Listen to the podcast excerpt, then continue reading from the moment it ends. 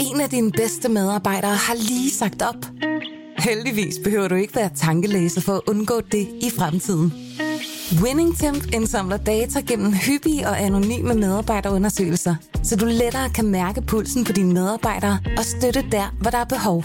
Kunder som Alfa Laval, Orkla og Volvo bruger allerede WinningTemp og ser, at det øger trivsel, reducerer turnover og hjælper med at fastholde talenter. Få gratis gennemgang allerede i dag på winningtemp.com. Velkommen til Morgenposten. Berlingskes nyhedsoverblik.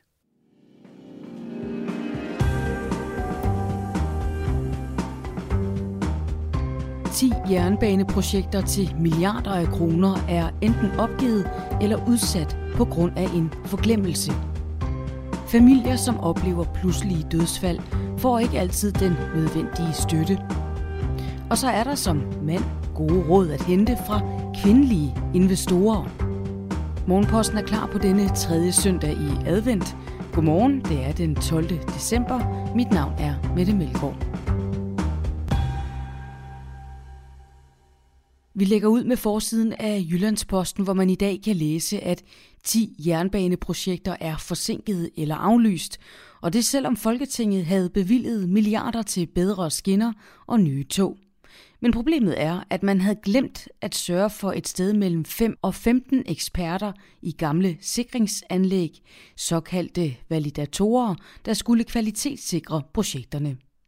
Dem findes der cirka 50 af i Danmark, og uden en af dem, ja, så går det hele i stå. Bane Danmark vidste allerede i 2017, at manglen på validatorer ville skabe en flaskehals, og at det havde været nemmere at tage højde for, hvis man tidligere havde afdækket problemets omfang. Det konkluderer Rigsrevisionen i en rapport. Og den opfattelse deler togekspert ved Ingeniørforeningen IDA, Christian Madsen, som ikke er i tvivl om, at de mange forsinkelser og aflysninger har haft store konsekvenser man kan kode det ned til et spørgsmål om rettidig omhu, siger han og fortsætter.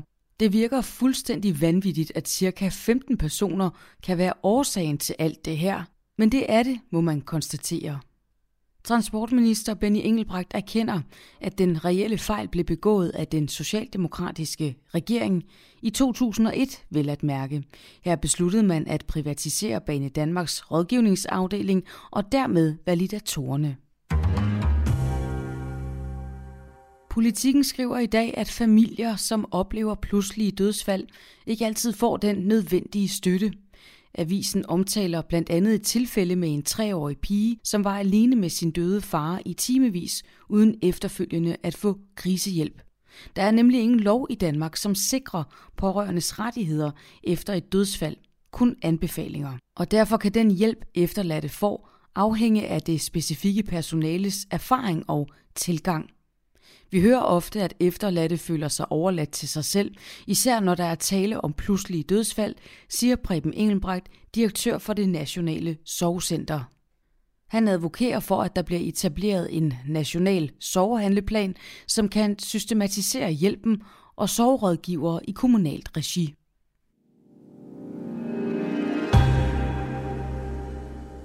Vi skal også have fat i søndagsudgaven af Berlingske, som kommer med en opfordring til mænd om at lytte godt efter. Der er nemlig mange gode råd at hente fra de kvindelige investorer. På trods af, at kvinder er mere tilbageholdende, når det gælder investeringer, er de på langt sigt bedre investorer og skaber et større afkast end mænd. Det viser en analyse af mere end 5 millioner kunders porteføljer hos den amerikanske gigantforvalter Fidelity – en lignende analyse fra Storbritannien i 2018 kom frem til det samme. Ifølge Mette Reismann, bestyrelsesformand i Dansk Aktionærforening, er kvinder bedre til at holde det lange fokus. De er ikke optaget af daytrading og at overvåge markedet. De gider egentlig helst ikke at skulle beskæftige sig med det på daglig basis. De vil bare gerne vide, at der er nogle penge, der arbejder for dem, også når de sover, siger hun og du finder flere gode investorråd i dagens avis. Berlingske skriver også om den årlige litteraturfestival Untold Pages, hvor det kun er forfattere fra tre bestemte grupper, der må deltage. Sorte, farvede eller tilhørende oprindelige folkeslag. Hvide forfattere er derimod kun velkomne til at deltage fra tilskuerrækkerne. Festivalen blev senest afholdt i august, og det var med 50.000 kroner fra Københavns Kommune og 50.000 kroner fra Statens Kunstfond i ryggen. Som den eneste i Københavns Kultur- og Fritidsudvalg stemte Karina Bergmann fra De Konservative imod støtten. Hun mener, at festivalen er ekskluderende og kalder den forfejlet og misforstået. Jonas Bjørn Jensen, politisk ordfører for Socialdemokratiet i København, var en af de politikere, der stemte for tilskuddet, men det ville han ikke gøre med den viden, han har i dag. Ifølge medstifter Elisabeth Gullak bunder kravet i, at man mangler at se den slags litteratur fremhævet, og hun afviser, at det skulle være udtryk for diskrimination.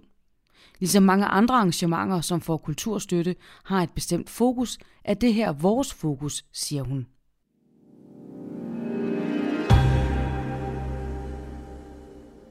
Resultatet af klimatopmødet i Glasgow COP26 for en måned siden kunne have været bedre, når det handler om selve klimaet. Men for Danmark, og især personligt for landets tredje mindst populære minister, klimaminister Dan Jørgensen, blev det en succes. Sådan lyder konklusionen fra venner og ellers kritiske røster, som Berlingske har talt med.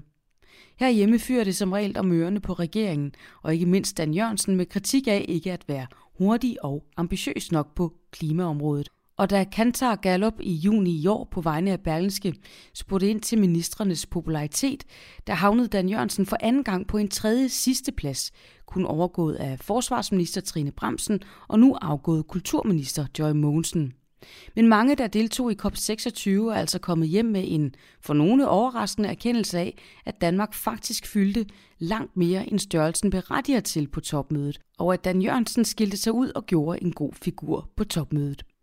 Der er meget mere at læse i artiklen fra Berlingskes klimajournalist Vibeke Lyngklip Svansø i dagens avis. Ganske få dage er helt afgørende for dit afkast på investeringer i aktier. Det betyder, at det kan blive en dyr manøvre at sælge sig helt ud af markedet i den tro, at man så kan ramme det rigtige tidspunkt at købe sig ind igen.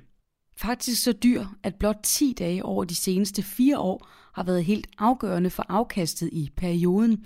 Det viser en analyse, som Velliv har udarbejdet for Berlingske. Konklusionen er, at ganske få dage er afgørende for, om du er vinder eller taber på aktiemarkedet. Vores undersøgelse bekræfter egentlig blot det, jeg har lært gennem mange år på investeringsmarkederne, nemlig at man skal passe utrolig meget på med at gå ud og ind af aktiemarkedet. Det er meget vanskeligt at time det rigtigt, siger chefstrateg Henrik Henriksen fra Velliv.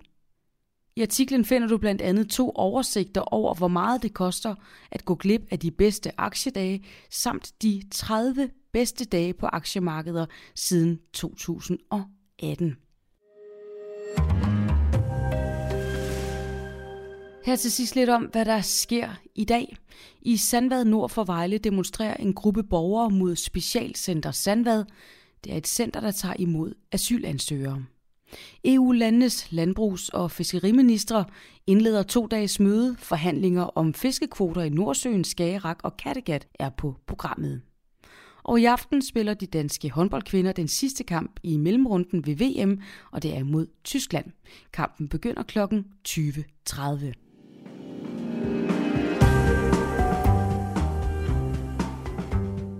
Således morgenposten på 3. søndag i advent. Jeg hedder Mette Melgaard på Genhør i morgen tidlig. Tak fordi du lyttede med.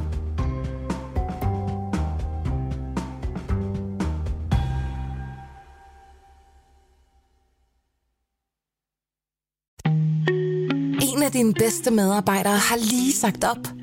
Heldigvis behøver du ikke være tankelæser for at undgå det i fremtiden. WinningTemp indsamler data gennem hyppige og anonyme medarbejderundersøgelser, så du lettere kan mærke pulsen på dine medarbejdere og støtte der, hvor der er behov. Kunder som Alfa Laval, Orkla og Volvo bruger allerede WinningTemp og ser, at det øger trivsel, reducerer turnover og hjælper med at fastholde talenter. Få gratis gennemgang allerede i dag på winningtemp.com.